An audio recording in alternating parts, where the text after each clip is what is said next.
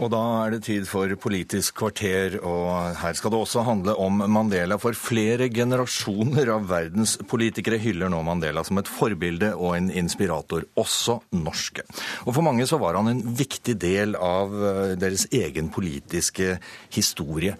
Kristin Halvorsen, eh, tidligere SV-leder, velkommen hit. Takk for det. Eh, for deg så startet politikk veldig mye rett og slett med anti-apartheid, Nelson Mandela og Sør-Afrika? Eh, ja, det er helt riktig. Da jeg var en liten 15-åring i Porsgrunn, så var dette en av de sakene som gjorde at jeg våkna politisk, nemlig å støtte kampen mot apartheid i Sør-Afrika. Og det var jo norsk venstreside i Norge som dro i gang eh, det. er Fordi Nelson Mandela var jo også en kontroversiell eh, person som hadde leda den militære eller delen av, av ANC. Eh, den eh, urettferdigheten satt i system som apartheid var, det berørte og opprørte oss veldig. Og jeg husker jeg sneik meg rundt på EPA i Porsgrunn, det var et kjøpesenter, og klistra sånne 'kjøp ikke sørafrikanske varer' på hermetikkboksene. Og syns egentlig det var litt eh, skummelt, men jeg tenkte nei, Nelson Mandela sitter i fengsel på Robben Island, da må jeg tørre dette. Og så fortsatte jo dette utover 70-tallet eh, og 80-tallet, og det var mye kontrovers rundt eh, boikott. F.eks. Eh, at smelteverket på Sauda importerte mangan fra Sør-Afrika. Og jeg husker jeg var der også en gang, og tenkte, da var jeg blitt student i Oslo og tenkte jeg kan ikke gå rundt i Oslo på Blindern og, og argumentere for boikott, men ikke tørre å reise til Sauda. Men det var tøffe, tøffe runder. Så når det første frie valget var i Sør-Afrika i 1994. Så var jeg en av de i en stortingsdelegasjon som fikk være valgobservatører, og det var en fantastisk sterk eh, opplevelse. Vi var en delegasjon med Jan P. Syse, Kirsti Kolle Grøndal, Hilde Frafjord Johnsen, Marit Arnstad. Og vi blei sendt ut i de fattigste bydelene i Johannesburg, for, å, for det var masse internasjonale observatører der.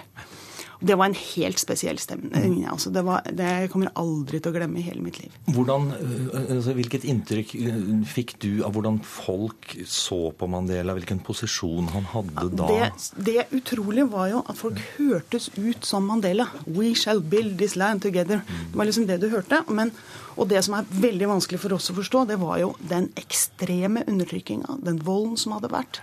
Hvor mange mennesker det hadde vært som veldig nylig hadde opplevd ekstreme eh, overgrep og påkjenninger. Jeg var og besøkte en familie hvor ja, Mesteparten av familien var slakta midt på stuegulvet, og datteren i huset hadde stått inne i et skap mens dette skjedde. Og når du snakka med dem, faren og dattera Det var to år. Det var i 1992, og det var to år siden. Og du skulle tenkt at det er bare én ting som driver dem nå, og det er hevn. Men de hørtes ut som Mandela, alle sammen. Og, og i de fattigslige bydelene hvor folk hadde stivpynta seg for å stemme for første gang, og øh, du skjønte at dette var folk som for, for første gang fikk være likeverdige mennesker i eh, Sør-Afrika. Erna Solberg, du er med oss fremdeles. Du var litt inne på det her i, eh, i nyhetssendingen også. Altså, du, du, du, ble også engasjert i dette på et tidlig tidspunkt, altså på rundt 80-tallet. Ja, altså eh, For det første så er det jo sånn viktig å huske at eh, kampen mot apartheid eh, både i Sør-Afrika, men også i det som nå heter Zimbabwe. Mm. Eh, altså begge de to kampene de hadde jo forskjellige grener. Én ting var på en måte venstresiden, så hadde du en veldig sterk kirkelig gren som var veldig aktiv i forhold til, til, til dette arbeidet. Eh, og det var nok ganske bred politisk enighet om at, eh, å, å, arbeide for det. Min tilknytning til dette var mye gjennom Operasjon Dagsverk. Jeg var sekretariatsleder for Operasjon Dagsverk, der vi hadde et stort felles nordisk Operasjon Dagsverk-prosjekt til støtte for ANC i de ungdomsskole... At de hadde stor internatskole som de drev i, i, i Tanzania, i provinsen av Morogoro. Og jeg var og besøkte de og bodde der i noen dager. Og det som jeg Eh, tenker på når, når Kristin snakker om det hun opplevde som arven i 94, når alle snakket som Mandela, så så jeg litt hvordan det fungerte når jeg var på besøk der. For der hadde de rollespill om at det er ikke rasespørsmål, Det er mennesker. Det er forferdelig viktig å snakke om at det er systemet, ikke enkeltpersonene. Det skal ikke dyrkes noe hat. Altså, dette, var, dette var barn og ungdom som hadde mistet foreldre i krigen mot, uh, mot, altså i, i den interne eh, konflikten. Det var ungdom som hadde rømt fordi de var blitt forfulgt etter det store studentopprøret i 76. Eh, det var, dette var ungdom som hadde sett mye, de hadde mistet mange nære, men de ble altså hele tiden påminnet at du ikke skulle dyrke hatet. Du skulle på en måte si at det var systemet som måtte endres, og at det ikke var hvite mennesker som på en måte var problemet, det var apartheidsystemet. Mm. Og det var imponerende, for det var ned i ganske små barn som drev rollespill i barnehagestil. Tidligere statsminister, Arbeiderpartileder Jens Stoltenberg er med oss fra eh, vårt studio på Lillehammer. Hvilken, eh, hvordan så du på dette her eh, i den samme, den samme perioden hvor du var ung politiker? Jeg opplevde det som en av de første sakene jeg engasjerte meg i politisk. Jeg var med i noe som heter Fellesrådet for det sørlige Afrika. Og det var noe som bevisstgjorde en hel generasjon av unge politikere eh, over hele verden, og jeg var en av dem. Og Det handlet jo om en veldig sterk opplevelse av at det var noe grunnleggende urettferdig i at det ikke bare var fattigdom og nød i Sør-Afrika, men at det var raseskille, at uh, svarte mennesker, fargede mennesker, ikke fikk samme rettigheter som de hvite. Og så vokste jo Nels Mandela fram i det arbeidet. Han ble jo på en måte symbolet. Han ble den vi krevde skulle løslates. Og, eh, og, så uh, fikk jeg senere i livet gleden av å jobbe ganske mye med han uh, i arbeidet med uh, Vaksinefondet. Han var styreleder i noe som heter Vaksinefondet, som jobbet med å vaksinere verdens barn. og da opplevde jeg den enorme verdigheten og autoriteten og respekten den mannen som avkrevde alle mennesker fordi han hadde levd det livet han hadde levd.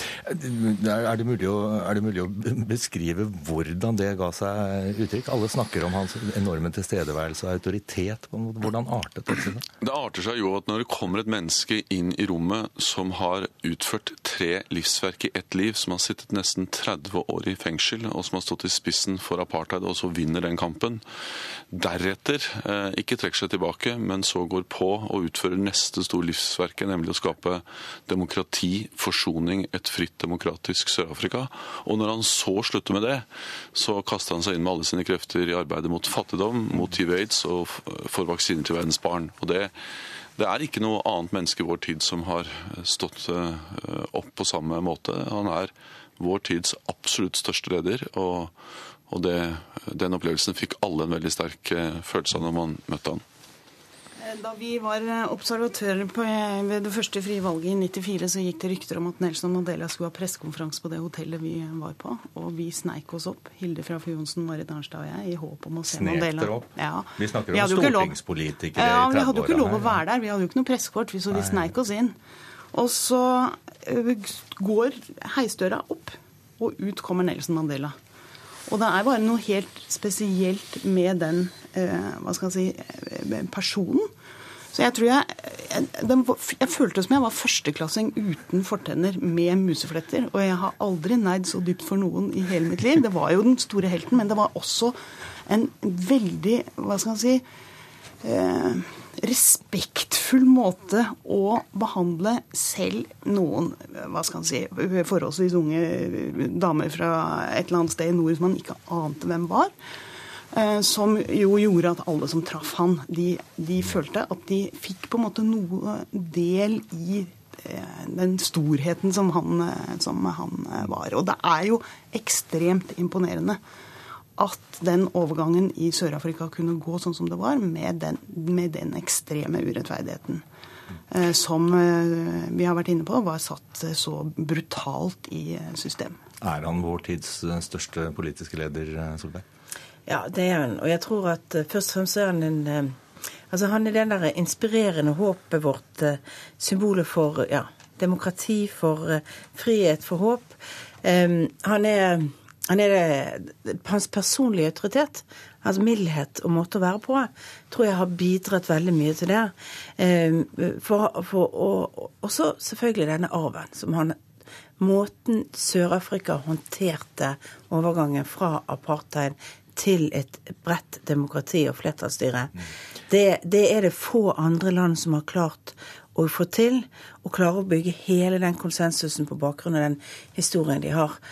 Men, men dette var jo, ikke, det, var jo, det var jo ikke gitt. Det var jo ikke noen selvfølge, og som vi var litt inne på vi, her tidligere. Altså, han var jo også en kontroversiell figur i årevis. og det var, man, man, kunne godt være mot apartheid og likevel være usikker på hva man egentlig mente om Nelson Mandela. Han var en geriljaleder. Ja, Hvordan så det ut for en unge høyrepolitiker eh, i Bergen? Eh, han ledet jo i utgangspunktet når han ble fengslet, den, også de militære aksjonene til, til, til ANC. Eh, så, men, og derfor så ble det jo litt mytisk rundt han så lenge han satt på Robben Island. Ingen visste det. Og det var flere frigjøringsbevegelser internt i Sør-Afrika, så det var jo mange diskusjoner også i Norge om hvilken er de riktige å støtte, og hvem er det. Men du vet at i løpet av de 27 årene han satt i fengsel, så kom både ANC ut som den store organisasjonen, og han kom på en måte ut som, som den personen som på en måte symboliserte eh, det hele, med det veldig, veldig lange fengselsoppholdet. Um, men det var jo ikke naturlig, for det, altså det var ikke helt sikkert at det ville skjedd. En, klart De 27 årene kunne ha brutt mm. ned en mann til å bli helt annerledes. Og andre figurer kunne dukket opp. og det var, jo, det var, jo, andre personer, det var jo andre lederskikkelser der uh, inne i bildet også. Og det var andre organisasjoner. Hvis mm. ledelse ikke overlevde, eh, også fordi det var intern krigføring mellom disse organisasjonene. Men denne konflikten, som veldig mange andre konflikter under den kalde krigen, ble jo satt også inn i det mønsteret. Så det var jo kontroversielt på ytterste norske høyrefløy å støtte ANC og Nelson eh, Mandela. Vi er liksom veldig harmonimodeller nå, men, mm. men det var jo en, en stor eh, kamp om, om boikott, om Eh, diskusjon rundt eh, hvordan organisasjonen var. Og hele denne konflikten var jo låst inne i liksom, eh, krigen mellom, mellom, øst og vest. Og apartheid ble støtta aktivt fra USA og, og andre i den, i den, settingen. Så at, at den kalde krigen tok slutt, var jo også en vesentlig del av forklaringen for at det åpna seg det rommet for Eh, at apartheid kunne, eh, kunne, ta slutt på en sånn måte. Da. Stoltenberg, hvordan så du på dette da? Altså, på samme måte nemlig at det var omstridt eh, lenge å støtte ANC. Og det var jo også en mann som sto på terrorlister og ble sett på som en kriminell og ikke som en frigjøringshelt. Det som er gledelig, er at Nelson Mandela og ANC var veldig klar over at de hadde støttespillere ute i verden, og de var veldig klar over at Norge var blant de som støttet dem eh, tidlig og sterkt. og de Nils Mandela fortalte ofte om sant, hvor spesielt han eh, opplevde at det var at norske diplomater smuglet kontanter eh, inn i Sør-Afrika. Eh, det opplevde de som en veldig sterk støtte. og han, da han kom til Tromsø juni 2005 så var han også veldig opptatt av at eh, han skulle takke det landet så langt mot nord eh, fra menneskene der langt i sør i Sør-Afrika. Og det var et magisk øyeblikk. Det hadde vært regn og dårlig vær i Tromsø i mange uker. Og så lander Nelson Mandela på flyplassen, og ja. da kommer sola. Og så er det strålende midnattssol, og det er litt snø på Tromsdalstind og fjellene bak der. Og så er det eh, Barentshavet ut, og så holder Nelson Mandela en tale som gjør at det er musestille med tusenvis av mennesker mennesker. Mm. Så det er, det er, magisk, og det er nærmest religiøst. Men han var veldig opptatt av å understreke at han var et helt vanlig menneske. Det var fantastisk. Hvis vi skal trekke parallellene mellom hva som kunne skjedd, så er det altså to land ved siden av hverandre som, som hadde et apartheid-system. Det ene er Zimbabwe, og det andre er Sør-Afrika. Og vi ser jo da på mange Kanskje vi ser ANC og og Nelson Mandelas virkelige eh, Altså hva de virkelig fikk til, når vi ser hva som har utviklet seg i Zimbabwe som et alternativ. Det kunne vært også, også situasjonen i Sør-Afrika hvis ikke de hadde hatt et så fremsynt lederskap. Eh, og Zimbabwe i dag er et land som har gått fra å være et middelinntektsland til å bli et fattig land med stor undertrykking, stort politisk kaos og med ganske blodige runder fortsatt mm.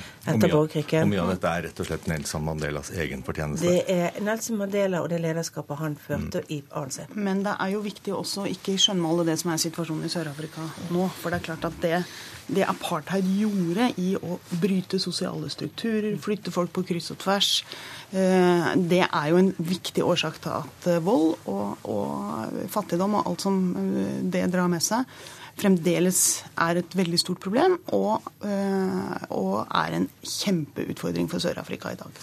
Og det kommer vi ganske sikkert til å følge tett nå den nærmeste tiden, nå når Nelson Mandela altså er borte. Det var det vi rakk i Politisk kvarter. Takk skal du ha, Erna Solberg. Takk til Kristin Halvorsen og til Jens Stoltenberg. Da fortsetter Nyhetsmorgen etter en nyhetsoppdatering. Jeg heter Alf Arke.